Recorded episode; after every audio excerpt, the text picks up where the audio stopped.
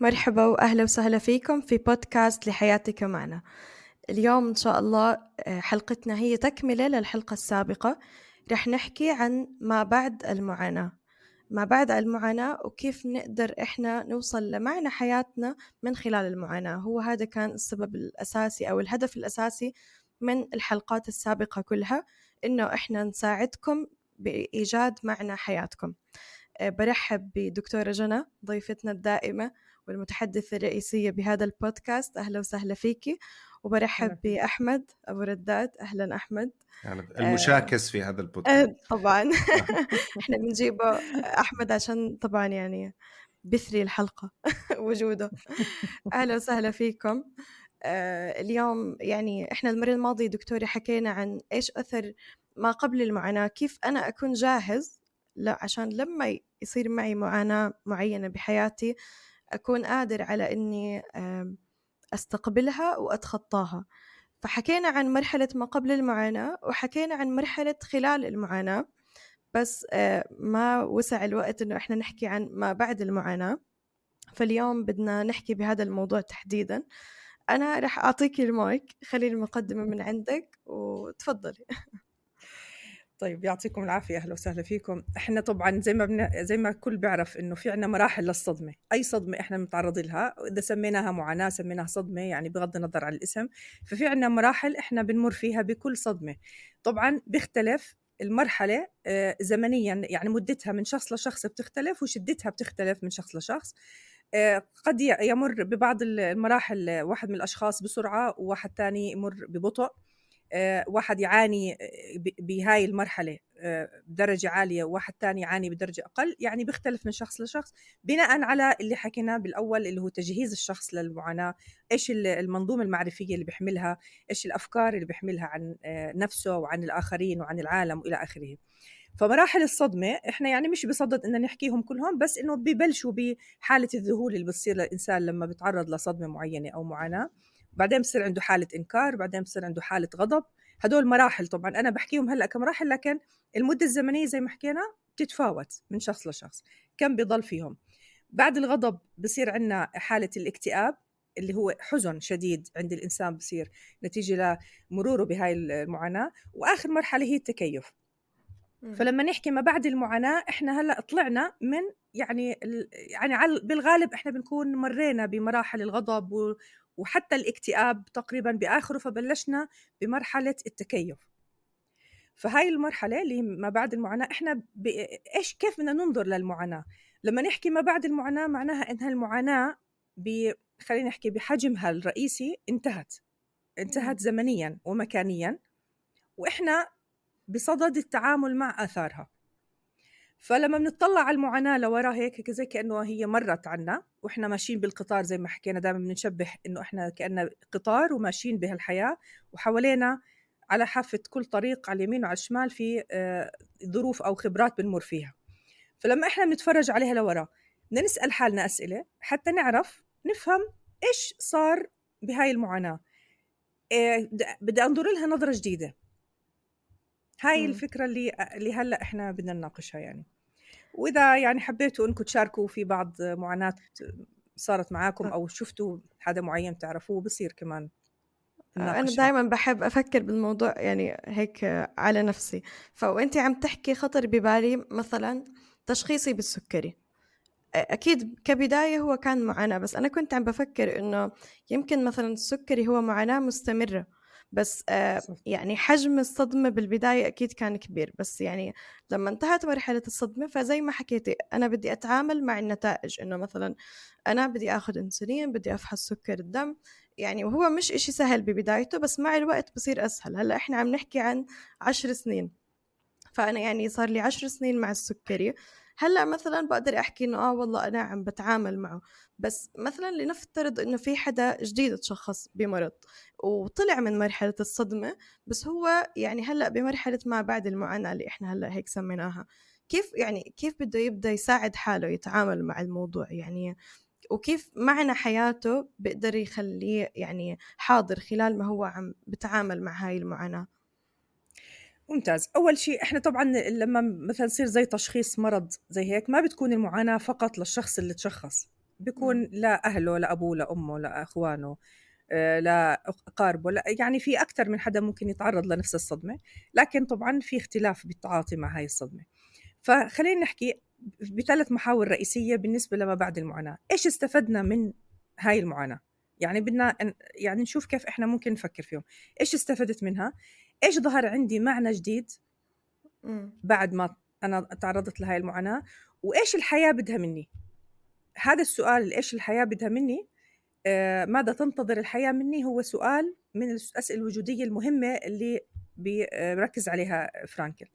لأنه آه إحنا مش بس إحنا شو بدنا من الحياة كمان الحياة بتنتظر منا شيء معين. والمعاناة بتخلينا نتعلم إنه الحياة إحنا بنتفاعل معها بنعطيها وبناخذ منها.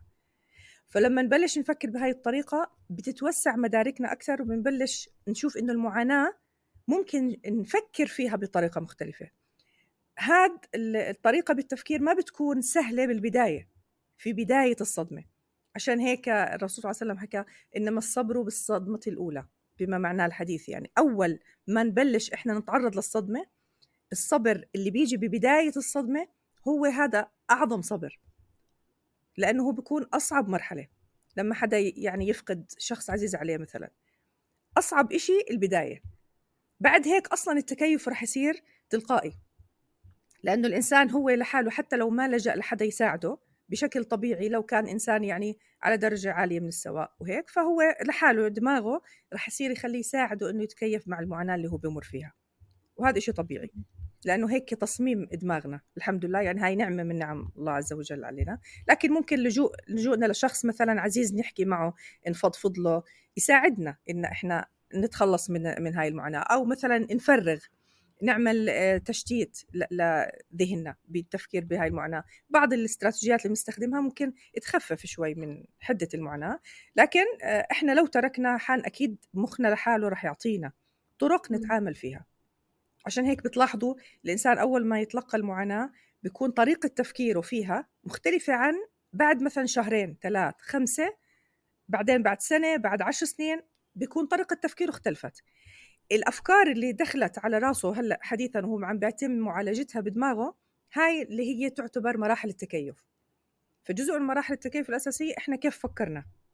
كيف صرنا نتعاطى مع هاي المعاناة ونفكر فيها؟ فلما نيجي نحكي مثلا إيش الحياة بتنتظر مني؟ هذا يعني محور من المحاور اللي بدي أفكر فيها. شو بتنتظر مني الحياة؟ مثلا نأخذ مثال آه، زي ما حكيتي انت السكري.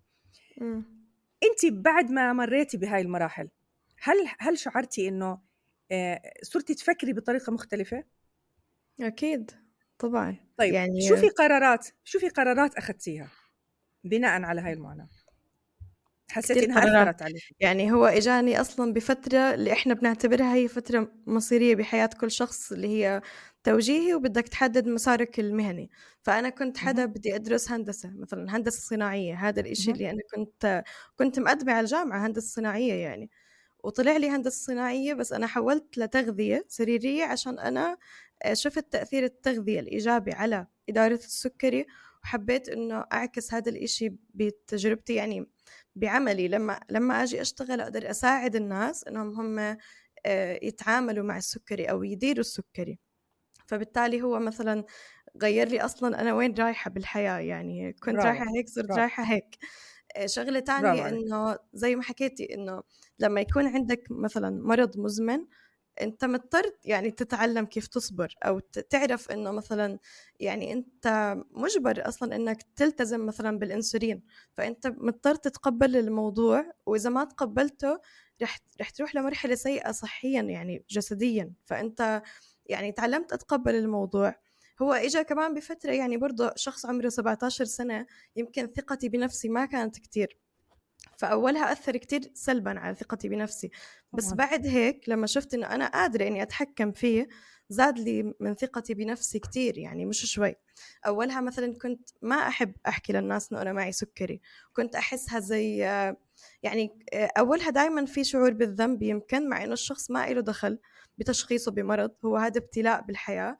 بس أنا كشخص بهداك العمر ما كنت فاهمة هذا الشيء فأنا كان عندي شعور بالذنب أهلي كان عندهم شعور بالذنب مع إنه ما حدا فينا له دخل أكيد. بس يعني بعد فترة فهمت هذا الإشي ف ثقتي بنفسي زادت. عرفت إنه هذا واحد من اختباراتي بالحياة اللي ربنا أعطاني إياها. بس أنا كيف بدي أتعامل مع هذا الاختبار؟ فلما عرفت إن الموضوع نابع مني أنا سواء موضوع إني أديره بشكل جيد أو سلبي فأنا اخترت طريق إني أنا أديره بشكل جيد وإني أساعد غيري يتطلع على الموضوع بهذا المنظور. فأنا مثلا شو بدها الحياة مني؟ واحدة من إجاباتي إني أساعد آه، غيري من اللي معاهم سكري خصوصا اللي بتشخصوا جديد خصوصا ال... يعني كمان أهل الأطفال اللي بتشخصوا جديد. لأنه زي ما حكيتي يمكن هم آه، شعورهم أصعب من شعور الإبن نفسه. أنا عمري كان 18 وشعور أهلي كان أصعب من شعوري أنا متأكدة يعني وكنت شايف هذا الإشي بعيونهم. يمكن هذا من الأشياء اللي بتخوف الواحد بالبداية إنه إحنا مش فاهمين لوين رايحين بس بتلاقي إنه الموضوع أسهل مع الوقت أكيد. برافو عليك ممتاز. هاي هي الفكرة اللي إحنا بنوصلها بهذا الموضوع. يعني أنت كأنه ربنا خلقك لا إلى في حكمة معينة من خلقك بهذا الكون. فأنت قطعة البازل اللي ربنا خلقك من ضمن منظومة البشرية كلياتها. هاي القطعة أنت كنت بدك توجهيها بطريقة معينة. هاي المعاناة وجهتك بطريقة ثانية اللي ربنا كان أصلا ممكن يكون هو هاي حكمته بأنك تكوني موجودة في هذا المكان. هذا الثغر اللي أنت بدك توقفي عليه. في آية أنا بقرأها يعني دائما الواحد بضل يقرأ القرآن الكريم سبحان الله. الآيات بتصير يشوفها بمنظور مختلف من فترة لفترة. يعني بعد ما أنا مثلا آه، بدرس نظرية النظرية الوجودية وموضوع المعنى لما قرأت هاي الآية فكرت فيها بطريقة ثانية أول مرة أفكر فيها. آه، سورة المؤمنين الآية 78 وهو الذي ذرأكم في الأرض وإليه ترجعون. فتخيلوا كلمة ذرأكم. أنا ما عمري فكرت فيها بهاي الطريقة. كلمة ذرأكم معناها بثكم ونشركم. يعني إحنا آه، الله عز وجل خلقنا وبثنا في الأرض في بقاع الأرض في نقاط معينة كل واحد فينا في مكان معين. زي كأنه بذرة صغيرة آه، موجودة في تربة وراح تنبت. فتخيلوا المعنى كم كم جميل. يعني أول شيء إنه ربنا بنشرنا ببثنا في الأرض وبعدين وإليه ترجعون. راح يرجعنا إله. فإحنا زي كأنه بيحكي لنا يلا أنتوا روحوا اعملوا اللي مطلوب منكم واللي أنتوا موجودين في الدنيا عشانه عشان بعدين ترجعوا لله عز وجل في نهاية المطاف. الفكرتين هدول على فكرة بيساعدونا نفهم معاناتنا بطريقة مختلفة. إنه طيب أنا مدام صار معي هذا الحادثة مثلا أو هاي الصدمة إيش كان المطلوب مني؟ وإيش تعلمت منها؟ وإيش في إشي بإيدي أعمله؟ فبلشت أطلع من آه، النطاق الضيق تبعي. إنه ليش أنا يصير معي هيك؟ اللي هي اللي حكينا عنه المرة الماضية. لفكرة إنه طب أنا بما إنه صار معي هاي الخبرة وصرت أفهم فيها شو ممكن أعمل فيها؟ واللي أنت عملتيه؟ فأنت وسعتي القمع. وخليتي لما أنا بحكي قمع فبتيجي ببالنا فكرة العطاء. لما أكون أنا ضيقة هيك بتفكيري بكون أنا فعليا لا أنا مستفيدة ولا غير استفاد. بس لما بوسع مداركي فراح يصير فكرة العطاء عندي أوسع. فزي كأني أنا المطر بمطر والقمع كبير فراح يجي فيه آه، مقدار أكثر من الماء أثناء المطر. فالفكرة الأساسية أنا بدي أعرف شو ممكن أعمل بالمعلومات اللي عندي والخبرة اللي أنا مريت فيها والصعوبات اللي أنا مريت فيها. زي مثلا أنت ما حكيتي الشغلة كثير مهمة إنه كيف ممكن أساعد غيري؟ هلأ سعادتك انت شو شعورك لما انت بتعطي غيرك؟ لما تحسي إنه في أطفال مروا بتجربتك وانت عمالك بتريحيهم من بعض مراحل الصدمة إنهم مروا فيها. شو بكون شعورك؟ كثير حلو آه. أكيد. الله ستر أنا كنت بدي أحكي الحياة ما بدها شيء منك حياة شغالة فيك وبلاك. لا بس هي شغالة فيك وبلاك بس آه لك لك دور فيها يعني وأنت بتقدر تأثر عليها يعني. رح تضلها شغالة بس يمكن تغير الاتجاه اللي بتمشي فيه هذه الحياة. أكيد هي رح تضلها شغالة بس طول ما أنت موجود هي هاي الفكرة طول ما أنت موجود وجودك له قيمته. هي هاي الفكرة. لما تروح أكيد الحياة رح تستمر. يعني الحياة ما بتتوقف على شخص. لو توقفت على شخص كانت توقفت على الناس اللي يعني خيرة العالم اللي ربنا خلقهم. صح. لا الحياة بتستمر وهذا اللي ربنا بده إياه منا. إحنا بنسلم يعني الحياة لغيرنا وغيرنا بيسلمونا وهكذا. فاذا آه، هاي الفكرة الأولى من إنه ماذا تنتظر من الحياة؟ فراح أطلع أنا بمحصلة جديدة راح يكون مفاهيم عندي آه، ارتبطت بهاي الصدمة اللي مريت فيها أو المعاناه بشكل عميق زي مثلا فكرة العطاء. فكرة التعاطف تعاطف أتعلم كيف أتعاطف مع ذاتي ومع الآخرين. لما بتعاطف مع ذاتي إنه معلش أنا مريت ب تجربه أو خبرة كانت مش سهلة آه، بدون ما أحكم على ذاتي آه، يعني التجربة أو الخبرة اللي مريت فيها كان في عليها فيها صعوبات أنا تحملتها وصبرت عليها وتعاملت معها. فأنا بعطيني هذا نوع من الثقة. يعني زي ما أنت تفضلتي بالبداية الإنسان لما بتعرض لصدمة من الأعراض الطبيعية إنه ثقته بنفسه وتقديره لذاته بينزل. بداية أي صدمة وهذا إشي طبيعي. عبين ما يتوازن بصير يبلش يشوف إنه مثلا طب أنا هيني تحملت أنا ضليتني واقف على رجلي أنا كملت في مسيرتي.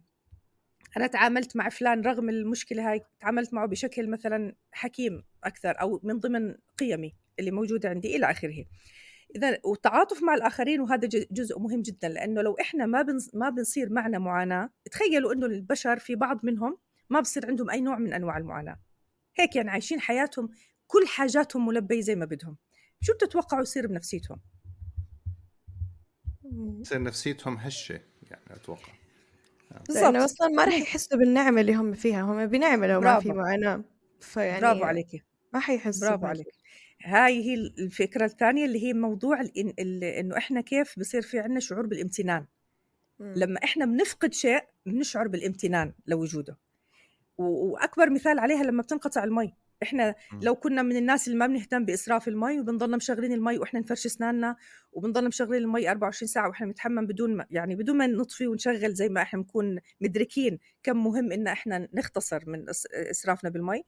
لما تنقطع المي بصير نحكي يا الله بس لو لو في أنينة مي هيك بس أتوضى فيها. وفعلا بدبر حالي فيها. مع إني أنا عشر أضعافها صرفت لما أنا توضيت أو غسلت أو فرشت أسناني بالوضع الطبيعي. فموضوع الامتنان المعاناة هي اللي بتخلينا نتذكر. الشغلة الثانية اللي كثير مهمة الإيجو الكبر تبعنا. لما الإنسان كل كل شيء زي ما بده صار يعني مثلا هو آه، يعني هو مثلا شاطر بإنه يربح فلوس كثير فهو عنده تجارة آه، كثير واسعة آه، غني كثير أولاده يعني كثير ناجحين ومتفوقين وإلى آخره. ببلش شو شو يفكر؟ إنه هذا شطارة فيه وإنه هو أحسن من غيره. وما بيكون عنده تعاطف مع الناس التانيين اللي ما عندهم هاي آه، يعني عندهم مشاكل بالأمور أو النعم اللي هو عنده إياها. فما بيشعر مع الفقير مثلا ما بيشعر مع الشخص اللي اولاده مغلبينه ما بيشعر مع مع مثلا الشخص اللي آه، مريض. فشعوره بمشاعر الآخرين وإنه يحط حاله محلهم بيكون كتير ضعيف. لما إحنا بنوصل لما بنشعر بالمعاناة بنشعر مع الناس أكثر. يعني مثلا آه، بصير الإنسان بمر بضائقة مالية بصير يحكي إنه أنا والله من عارف كيف الناس عايشين. يعني آه، كثير صعب الإنسان يكون مثلا ما معه فلوس يجيب لأولاده أكل. كثير صعب الإنسان يكون مش عارف يدفي أولاده. ببلش يفكر معهم أكثر. فاذا آه، هاي الفكرة المهمة جدا التعاطف والعطاء والامتنان شعوري بالامتنان. اذا هاي بلش عندنا مفاهيم جديدة عميقة بالحياة وهي جدا مهمة لأنه إحنا الحياة ما راح تستمر بدون هاي الأفكار. إذا إحنا ما فكرنا بهاي الطريقة رح يكون في عنا معاناة بحد ذاتها لأنه إحنا ما عنا هاي المفاهيم. وغير هيك إنه العطاء أصلا يعني حتى في دراسات كثير بتربط موضوع العطاء بإفرازات هرمونية بدماغنا وبجسمنا بتخلينا نشعر بالسعادة زي الإندورفينز مثلا بعض هرمون من هرمونات السعادة. آه، شعورنا بالانتماء موجود له مراكز خاصة بالدماغ. يعني إحنا ب... لما نشعر بانتمائنا للآخرين وإنه إحنا أعطينا الناس وساعدناهم وخففنا عنهم هذا يعني برد برتد علينا بمشاعر إيجابية جدا وبشعرنا بسعادة وبشعرنا بإنه إحنا كمان المعنى تبعنا تجدد إنه إحنا في معنى لحياتنا إنه إحنا بنعطي أو بنسعد الناس أو بنساعدهم أو إلى آخره. فبتجدد عندنا معاني أخرى فبنروح لظهور معنى جديد في حياتنا. شو هو المعنى الجديد اللي إحنا هلأ بنشعر فيه؟ هلأ آه، في آه، كثير من العلماء النفس مثلا اللي عملوا نظريات علم النفس كانوا كل واحد فيهم عنده معاناة معينة بناء على معاناته عمل نظريته. يعني فرويد كان عنده مشكلة في علاقته مع أبوه فنظريته كانت مركزة على علاقة الأب الإبن بالأم والبنت بالأب. كان كان في كثير عنده مفاهيم مرتبطة بعلاقته بأبوه.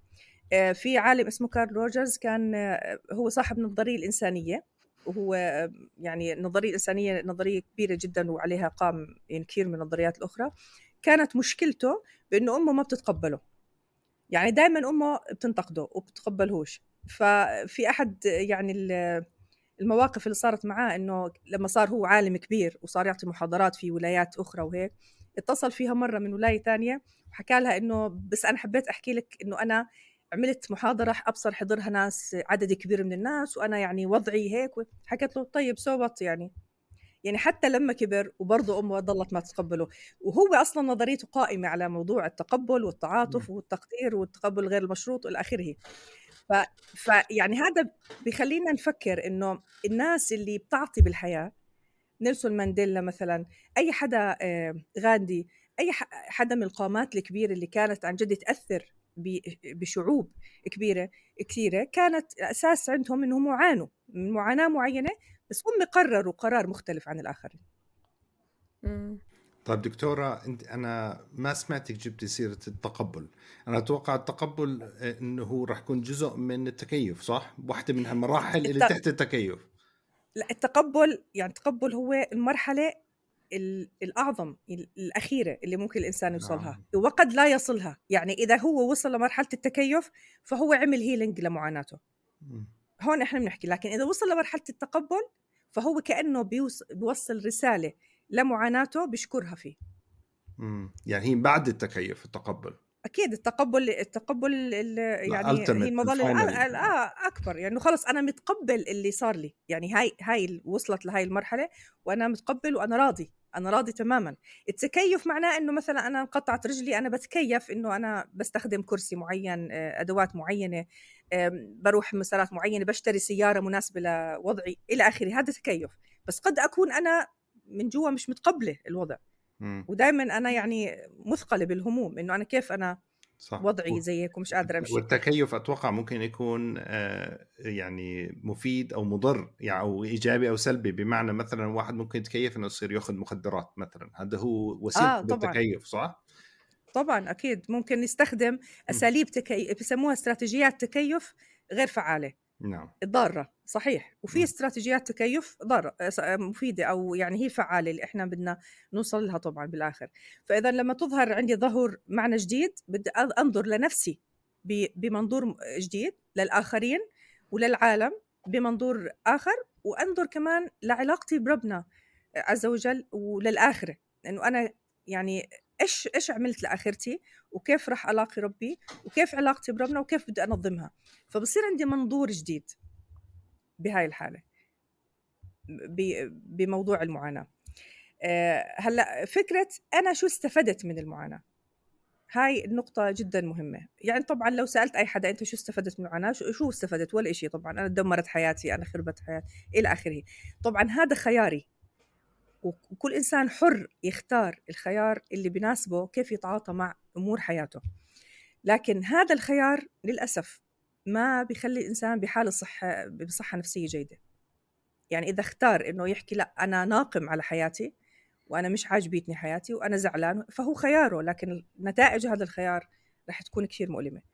فهو مؤلمة عليه لأنه يعني المعاناة موجودة ورح تضلها موجودة. يعني ما في ما في أي حدا فينا ممكن يضمن لأي إنسان مهما كان بحبه إنه يخفف عنه المعاناة تماما أو يزيلها خلينا نحكي. هو ممكن يخففها شوي لكن لكن مستحيل إنه يزيلها. لانها ما بتعلق فينا كأشخاص. في كمان آه، خلينا نحكي سيطرة لظروف أخرى خارجه عن إرادتنا. فأنا شو استفدت من المعاناة؟ أنت شو استفدتي مثلا؟ أنا هلأ راح أطبق عليك هيك أسئلة إذا بتحبي عشان نفهم أكثر. يعني كيف ممكن إحنا ننظر للمعاناة بطريقة ثانية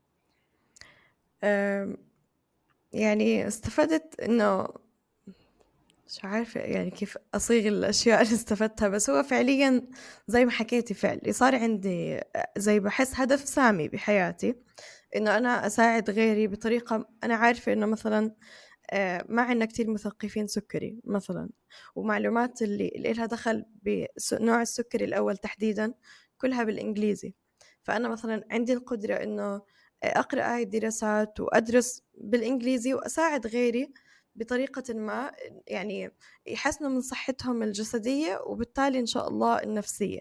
فهذا الإشي بيحسسني إنه أنا زي ما حكيتي إلي دور بالحياة. فيعني مثلا أنا لما كنت ناوي أدرس هندسة يمكن ما كان في معنى أصلا لا ليش أنا بدي أدرس هندسة بس هي الفكرة إنه آه خلص دانيا أنت علمي وشاطرة وهيك فإنه هندسة ولا طب فأنا بدي هندسة مثلا. بس ليش ما كنت بعرف؟ يعني ما كان في غاية معينة من أنا بدي أدرس هندسة. بس لما صرت أنا بدي أدرس تغذية فأنا لسبب كنت عم بدرسها. آه يعني زي ما حكيتي شعور العطاء شعور كتير حلو. وأنا دايما بحسه يعني ب يعني خلينا نحكي أسمى شعور عطاء بحسه هو لما أساعد آه، شخص معاه سكري. لأني أنا حاسة فيه زي ما حكيتي فعندي تعاطف تام معاه وحاسة تماما باللي هو عم بمرق فيه. فيمكن يعني كتير حتى بسمعها من ناس إنه إنه مثلا في مثقفين سكري غيرك دانيا بس إحنا بنيجي عشان إنه انت معك سكري فانت حتقدري تحسي بشعور ابني مثلا. لما يحكي إنه صار معي هبوط ما حدا حيحس بشعور هبوط سكر الدم مثلا إلا جد شخص معاه سكري. فيعني بحس الفوائد أكتر هي إنه إيش أنا صار دوري بالحياة يعني وهذا الإشي بيخلي زي ما حكيتي صحتي النفسية كويسة. لأنه يعني أنا مش حدا بحب يضل قاعد ما يعني وجوده ما له داعي لأ بحب دائما أكون شخص منتج وشخص عم بيعمل خير. فواحدة من الطرق اللي خلتني أعمل خير هي تشخيصي بالسكري يعني الأشياء اللي بحسها إنه مميزة يعني مش مش أي حدا بيقدر يساعد آه، مثلا بموضوع السكري فأنا زي ما حكيتي يعني الجزء تبعي من البازل هو بموضوع السكري حوالينه. فأنا وصلت لمرحلة الحمد لله إني أنا مش بس متقبلة معاناتي يعني أنا ممكن بحكي إني ممتنة لتشخيصي بالسكري وهذا إشي يعني في ناس كثير بيستغربوه ممكن. مش مش بطريقة إنه والله أنا ما بتمنى إنه مثلا يطلع علاج نهائي لا أكيد كلنا بنتمنى هذا الإشي. بس أنا مش عايشة بس بستنى هذا اليوم. لا أنا يعني سواء العلاج إجا أو ما إجا أنا قادرة أعيش والسكري هو جزء من دانيا مش كل حياة دانيا. فأنا عن جد ممتنة إنه صار معي هيك لأنه أكيد يعني غير بشخصيتي أشياء حتى أنا يمكن هلأ ما حكيتها بس أكيد هو غير بشخصيتي. يعني موضوع مثلا إنه أكون حدا منضبط هذا إشي أخذته من تشخيصي بالسكري لأن أنت لازم تكون منضبط مع السكري عشان تقدر آه، تديره بشكل صحيح. فهو أكيد يعني بلور شخصيتي بطريقة مختلفة فأكيد أنا لازم أكون آه، ممتنة لهذا الإشي يعني. بحس فيه دائما ممتاز. برافو عليكي هي هاي المراحل مراحل ال healing هيك بتعرفي إنه انت عملتي عن جد معافاة لصدمتك إنه انت فعلا وصلتي لهي المرحلة إنك تشكري المعاناة اللي اللي مريتي فيها تشكري المرض اللي صار وأنا كنت أفكر إنه هذا إشي عادي بس يعني جديد لما طبعا. صرت أتعامل مع ناس معاهم سكري صرت أشوف إنه في ناس معاهم من 15 سنة سكري ولسه لليوم إنه مثلا مو قادر يتقبل الموضوع. بس أنا لإني وصلت للتقبل ف فكرت إنه هذا شيء عادي الواحد بيقدر يوصله دائما آه طبعا لأنك أنت ما بتكوني شايفة الناس الثانيين كيف تعاملوا معه. فهذا لما تقتربي من الآخرين هاي من الفوائد اللي أنت بتشوفيها. رح تشوفي هون نقاط قوتك وهذا جزء من الأمور اللي بدي أتعلمها عن نفسي. أنا بالمعاناة تعلمت عن نفسي مجموعة من المحاور زي نقاط قوتي ونقاط اللي بدها تحسين هي. عرفت أنا وين النقاط اللي بدي أشتغل عليها؟ وعرفت شو نقاط قوتي كمان بالمقابل. عرفت إيش حاجاتي إيش قيمي شو هي القيم اللي أنا آه، احتفظت فيها و... و... وضليتني أنا مصرة إني أنا أستمر فيها وشو القيم اللي أنا مثلا آه، عندي ضعيفة بدها شوية شغل عليها. آه، عرفت شو أهدافي بالحياة. عرفت عن حالي كثير معلومات. في في نقطة كثير مهمة اللي هي إنه المعاناة لما بنمر فيها إحنا بنحكي عن معاناة مثلا عشر سنين أو خمسة أو في معاناة بيكون الإنسان مرق فيها من هو طفل مش إشي جديد. فلما إحنا مثلا بالجلسات يكون شخص بيحكي عن معاناته كيف مثلا أهله كانوا يتعاملوا معاه. تعامل قاسي من الأم من الأب إلى آخره طريقة معينة بالتواصل كانت يعني كثير سلبية معه وتعطيه صورة سلبية عن نفسه. فلما بنحكي عن هاي المعاناة بنمر طبعا بكل المعاناة بالأول من ناحية التفريغ والتعاطف وفهم المشاعر بكل مرحلة من مراحل العمر. بعدين بنعطي زي ثيم بنحكي إنه في ثيم هيك عام لحياتك اللي مرت. يعني لو حكينا ال 20 سنة اللي راحت كان في إلها ثيم هيك بنسميها. إيش الثيم تبعها؟ لو بدك تعطيها اسم شو بتسميها؟ فمثلا بحكي لك إنه آه، مثلا آه، ابتلاء صدمة معاناة ظلم آه، أذى إلى آخره. هلأ بعد ما يصير ال healing عند الإنسان ممكن تبلشي تخليه يشوف الثيم هاد بطريقة تانية. إنه هو صحيح فيه معاناة وفيه أذى وفيه ظلم وإلى آخره بس ممكن تبلش تشوف إنت هلأ حاليا وين. إنه أنا باجي بحكي له نقاط القوة اللي صارت. رغم مثلا انخفاض تقدير الذات رغم الأذى اللي أنت تعرضت له أنت كملت توجيهي وكملت جامعة مثلا وبتشتغل وأنت هلأ بشغلك ناجح مثلا. أنت أنشأت أسرة وعمالك بتشوف كيف ممكن تربي أولادك بطريقة مختلفة عن اللي أنت تربيت فيها. ف هون أنت كنت وحاليا أنت موجود هون. شو ممكن تعطي ثيم جديد؟ فهون نبلش نحكي عن موضوع مثلا في في كان مرافق إلك كأنه في إشي على كتفك هيك ماشي معك. شو هو؟ الرحمة مثلا النضج الحكمة. في إشي كان معك ماشي.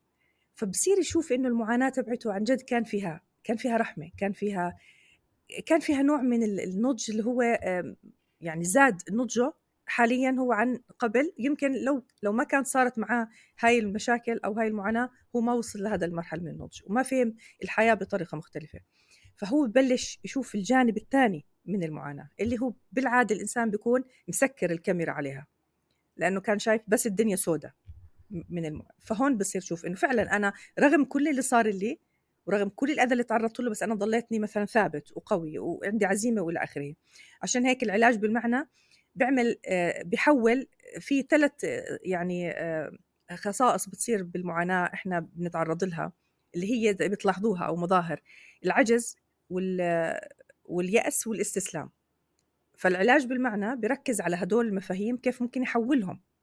يعني مثلا اليأس بحوله لمعنى العجز بحوله لإنجاز الاستسلام بحوله لتحدي.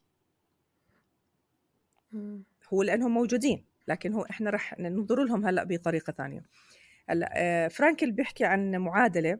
المعادلة بتمثل إنه اليأس عندنا لما بصير عندنا إحنا يأس بالمعاناة تبعتنا اليأس هو رمز له بحرف D لأنه آه، يعني يعني اسمه هيك بالإنجليزي despair فإحنا لو بدنا نحكي D equal S minus M ال S المعاناة وال M اللي هي ال meanings المعنى.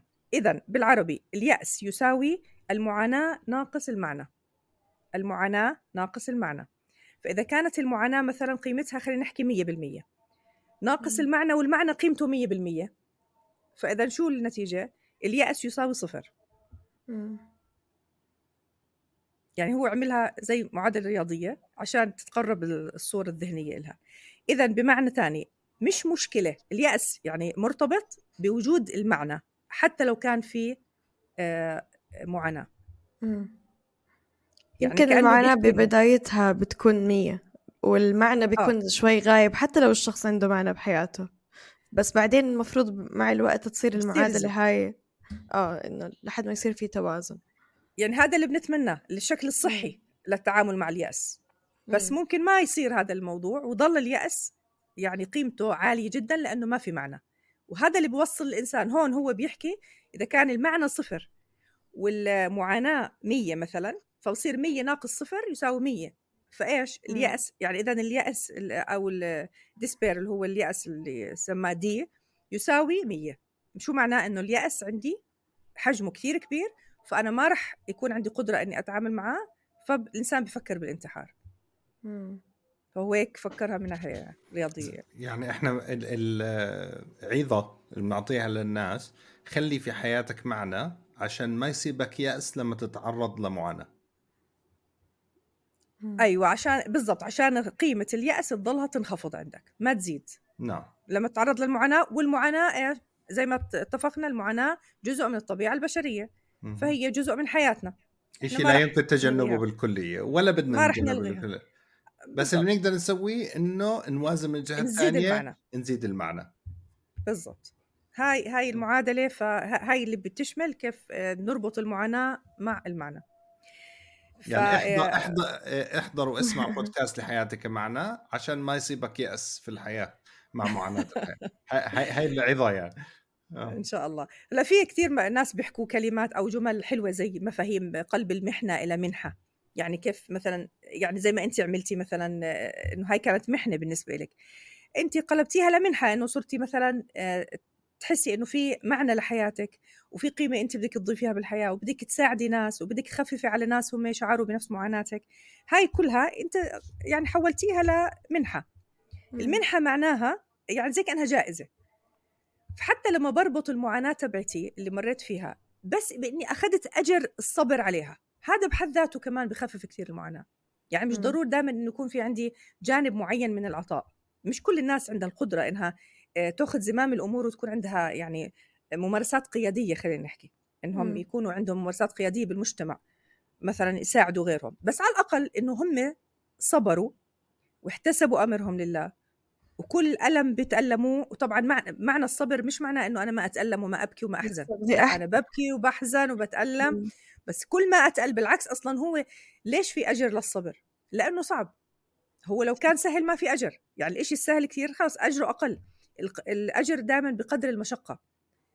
فكل ما كان المشقة أكبر وكل ما كانت المعاناة أعمق كل ما كان الأجر أكثر فمجرد إني أنا صبرت على آه، يعني ابتلائي أو معاناتي فهذا الإشي راح يكون آه، زي كأنه استبشار إلي إنه إن شاء الله إني أدخل الجنة. لأنه ربنا وعدنا إنه يوفى الصابرون أجرهم بغير حساب.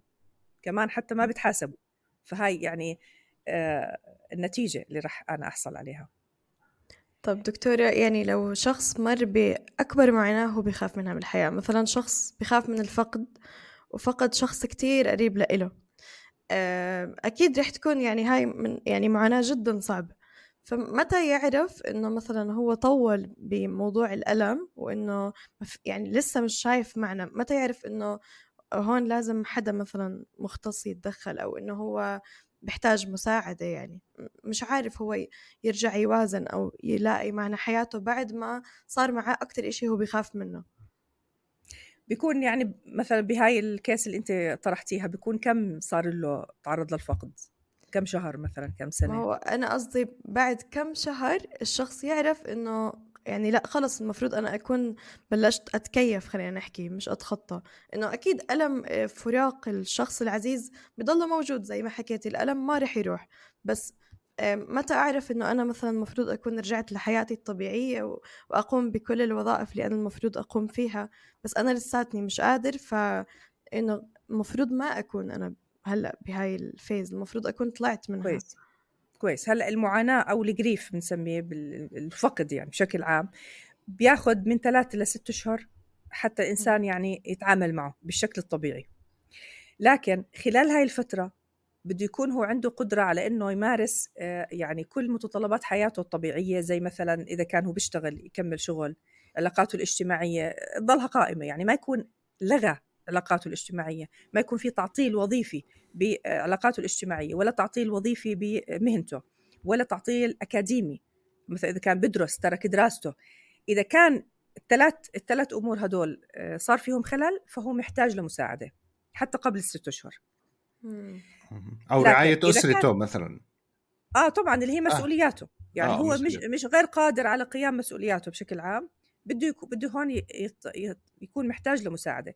إذا كان هو كمل لكن لا زال عنده حزن طبعا شعور مشاعر الألم كل اللي هو بحس فيها طبيعية. بعد الست أشهر بصير التكيف بالدماغ أفضل. بصير الإنسان يبلش يعني زي ما حكينا بالبداية إنه كأنه بيحكي لنفسه جمل جديدة. وهاي هي اللي بنسميها الأفكار هي الطريقة اللي بخاطب فيها ذاته. بتصير بتميل للإيجابية أكثر. يعني مثلا إنه خلص هذا اللي صار وأكيد ربنا آه، أراد الخير. أكيد في شيء خير من وراء مثلا بلش يحكي لنفسه هاي الكلمات معناه هو بلش يتكيف إذا استمر بعد الست أشهر وعنده أعراض اللي أنتم بتسمعوا فيه PTSD هذا الاضطراب ما بعد الصدمة, الصدمة. آه.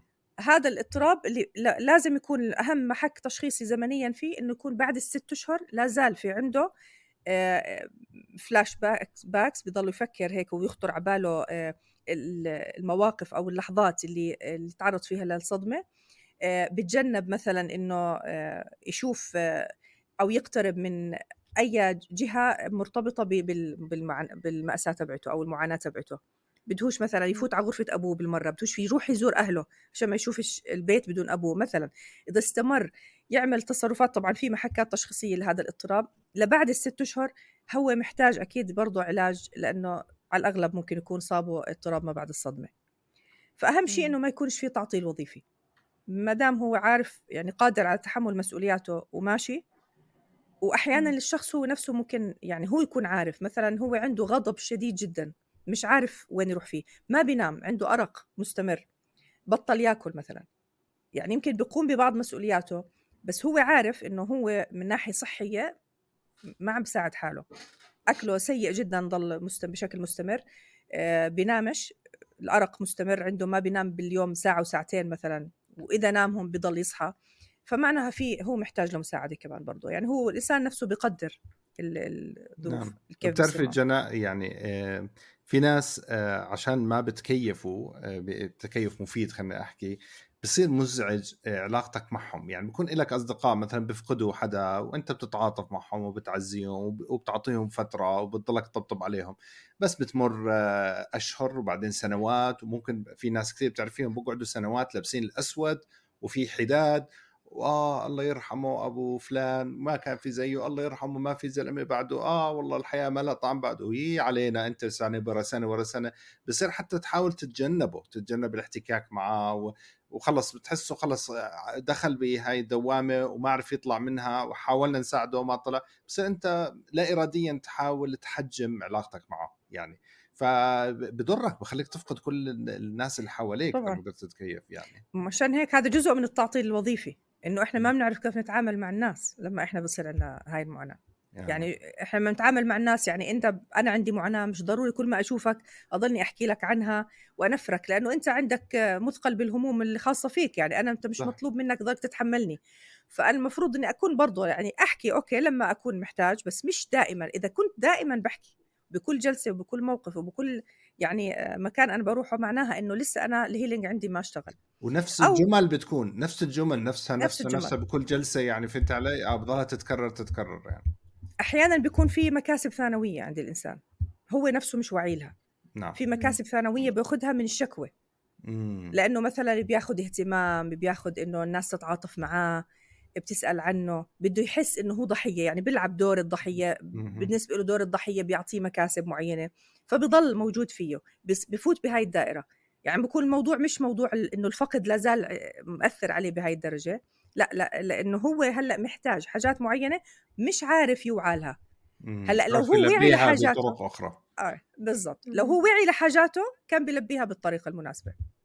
يعني مثلا بيشوف صديق له معين بيجي بيحكي معاه مثلا بيطلع كل اللي جواته بيبكي بيصرخ بيعمل شو ما بده مثلا. وبيرتاح.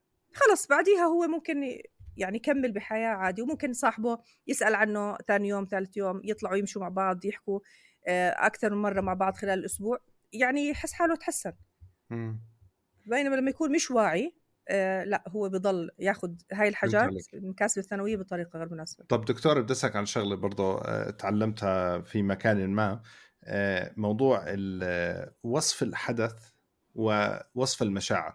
يعني مثلا مثلا واحد آه، كان في سيارة وصار هذه السيارة فيها حادث وهذا كان حادث بالنسبة له نفسيا مؤلم جدا يعني صدمة نفسية.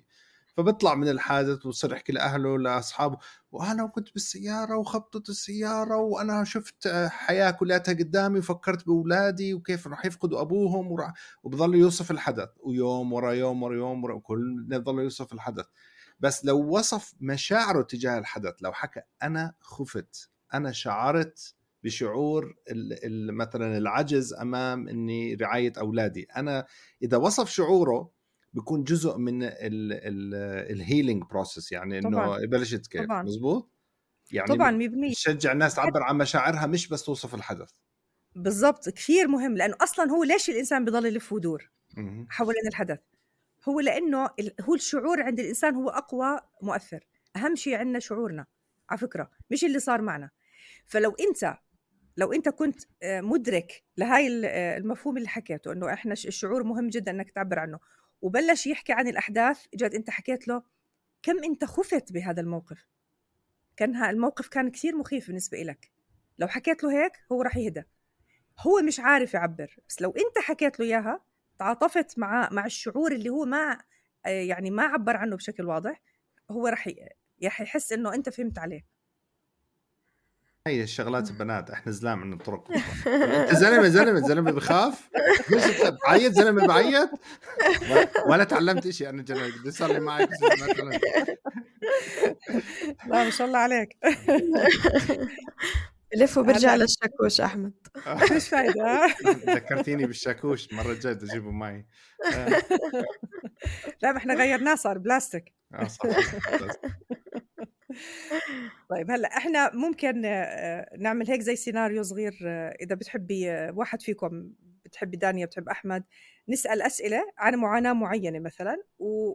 وتشوفوا كيف ممكن تعمل process فيها زي علاج يعني. دانيا دانيا. يلا بس طيب okay. هاي هاي الأسئلة بتساعدنا على القبول. انت already الحمد لله وصلتي للقبول بس عشان يعني ممكن تراجعي قبولك يعني. كأنك صح. انت هون رح تعرفي كم القبول تبعك كان واصل لمرحلة كثير عالية. هو الواحد بيحتاج كل فترة يراجع قبوله يمكن أصلا صح؟ طبعا المعاناة مستمرة. بالضبط. وهذا على فكرة طبيعي يعني. إحنا ما في عندنا شيء stable إحنا بنضلنا ننزل ونطلع بالزبط. بمشاعرنا بمعاناتنا حتى مرات بإيمانياتنا. يعني أنا برأيي هاي نعمة بحد ذاتها. لأنه لو إحنا ضلينا ستيبل هيك مشاعرنا بأي مفهوم بحياتنا ما رح نشعر فيه. صح. يعني مثلا انت مرات بتحسي إنه إيمانياتك ارتفعت بعدين بتحسي هيك انشغلتي بالحياة وخفت شوي مثلا عباداتك اللي كنت تعمليها سنة وزيادة وتتواصلي مع ربنا بدرجة أعلى بتخف شوي. لما تخف انت بتحسي بقيمة إنه وين كنتي صح. فبتصيري بدك ترجعي. فالموجه هاي اللي بتطلع وبتنزل انت بتصير تفهميها أكثر. بس لو كانت ستيبل انت ما ما بتقدري اللي انت فيه. عشان هيك النعم بتروح وبتيجي ما في إشي ثابت. مفهوم عدم الثبات ما في شيء بالدنيا ثابت. الشيء الثابت دائم. الوحيد هو التغيير. أي في دائما شيء بيتغير. هو التغيير بالضبط. وحتى مثلا موضوع الفقد لما حكيتي إنه شخص عزيز يعني حدا بيخاف من من آه، حادثة معينة وصارت معه زي فقد شخص عزيز عليه كثير. هاي هنا أهم أهم نقطة يراجعها الإنسان مع نفسه هي مفهوم تعلقه بالأشخاص وبالناس. أحيانا يعني واحدة من الحكم بتكون إذا إحنا فقدنا يعني كان في آه، حادثة معينة بالنسبة لنا إحنا كثير خايفين منها وصارت معنا هو بيكون في مراجعة إنه إحنا نراجع علاقتنا بالله عز وجل وإنه إحنا ممكن مرات يعني يصير في عنا تعلق بشخص أكثر من تعلقنا بالله عز وجل. فكأنه الله بده يحكي لنا إنه أنا الأساس علاقتك فيي ارجع لي. يعني أنت تعلقت زيادة بهذا الشخص. مش ضروري بفقد وفاة ممكن تكون فقد بالعلاقة نفسها ممكن بطبيعة العلاقة.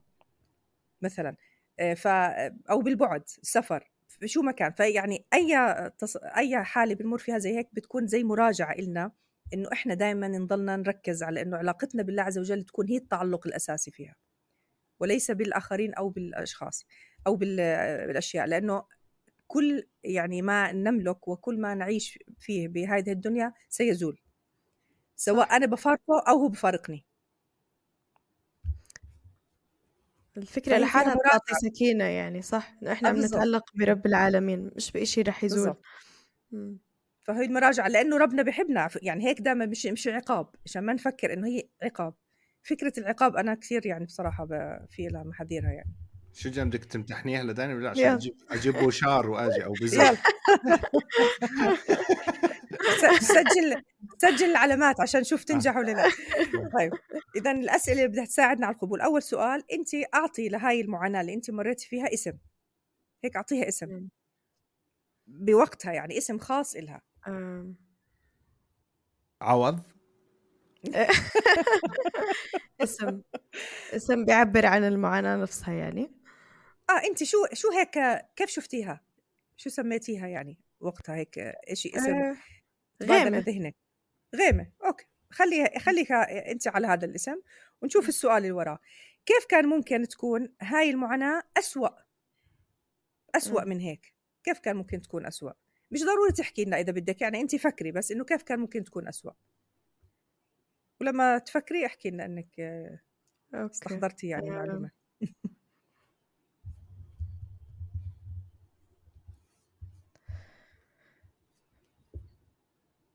طيب فكرت.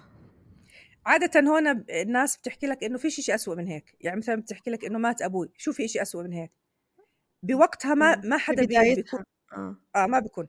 هلأ بعدين لو أنا بدي أضيف لك ممكن أحكي لك إنه الحمد لله إنه مات موتة طبيعية مثلا وسويتوا له عزاء ودفنتوه مثلا. مات آه، كان جسمه كامل مثلا.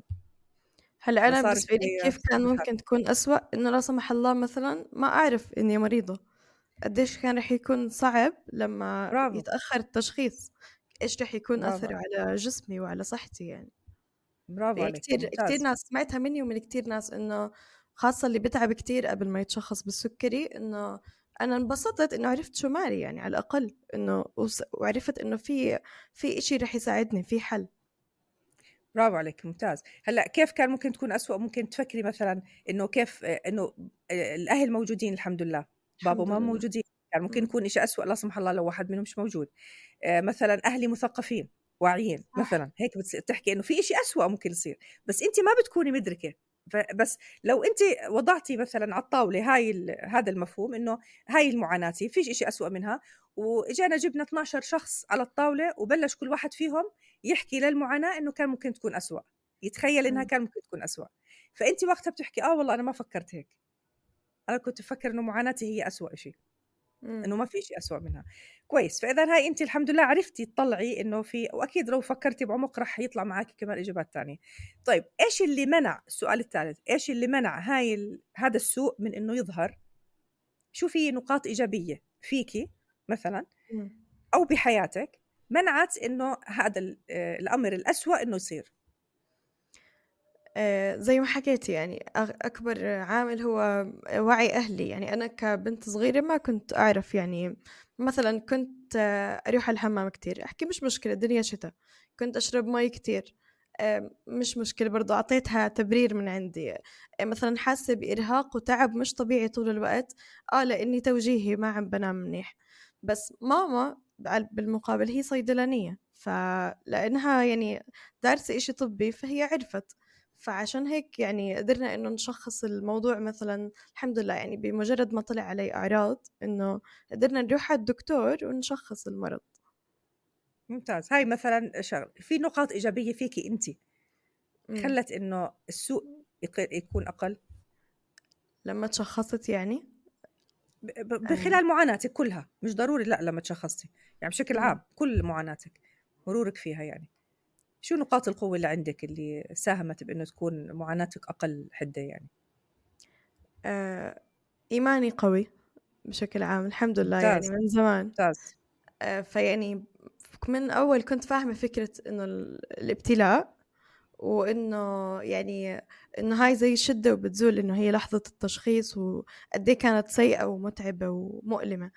كنت عارفة إنه يعني هذا الإشي مش مستمر يعني كان براسي هذا الإشي دائما عشان أقدر أصلا أتعامل مع الوضع الجديد. أه وعي بشكل عام مثلا أه حبي إني. أصلا أتثقف بشكل عام بحسه هاي قوة عندي. لأنه. يعني هذا اللي خلاني مثلا أصير أقرأ عن السكري وأصير أعرف أثر التغذية على عشان أصلا أقدر أقرر إيش بدي أدرس يعني أو أغير مساري يعني ف يعني يمكن هدول أكتر شغلتين لأنه بوقتها زي ما حكيت لك ما كنت أحس ثقتي بنفسي حاضرة بهديك اللحظة. ما كنت أحس إنه ثقتي بنفسي كبيرة. بس أنا بشكل عام بشك بحياتي إنه ثقتي بنفسي كبيرة. يعني أنا الحدا دايما اللي عنده مبادرات بالصف كنت بالمدرسة بحب إنه بس بس يصير في عنا مشروع كذا أنا أستلمه.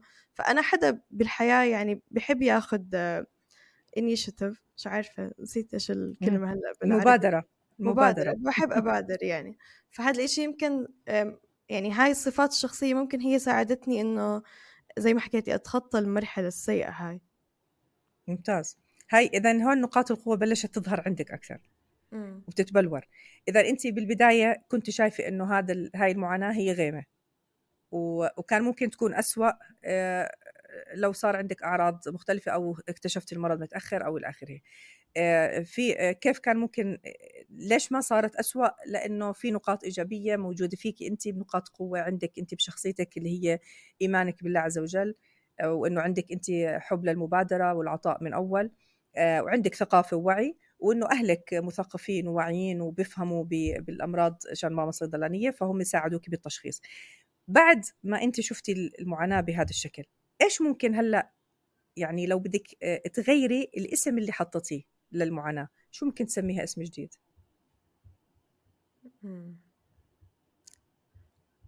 نور. نور. مجرد إنه اختلفت تسميتك للمعاناة اذا انت مريتي ببروسس كثير كبيرة وشوفي كيف الفرق بين الغيمة وبين النور. وشو راح يترتب على إنها تكون نور؟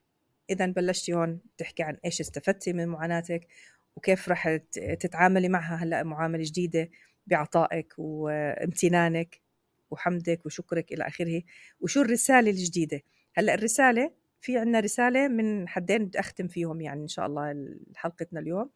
في رسالة أنا بدي ابعثها للمعاناة وهذا ممكن يكون أثناء المعاناة بالمرحلة اللي قبل هاي. وفي رسالة بدي يعني أشوف إيش المعاناة بدها مني. يعني كأني بسألها انت إيش بدك مني؟ شو الرسالة اللي بدك توجهي لي إياها؟ أحاول أفهم شو بدها توصل لي هاي المعاناة. إذا بدها توصل لي إن أنا مثلا أنا قوية بالقدر الكافي لهاي المعاناة. آه، ثقة الله في عالية. آه، أنا عندي قدرة إني أساعد الآخرين من خلال معاناتي.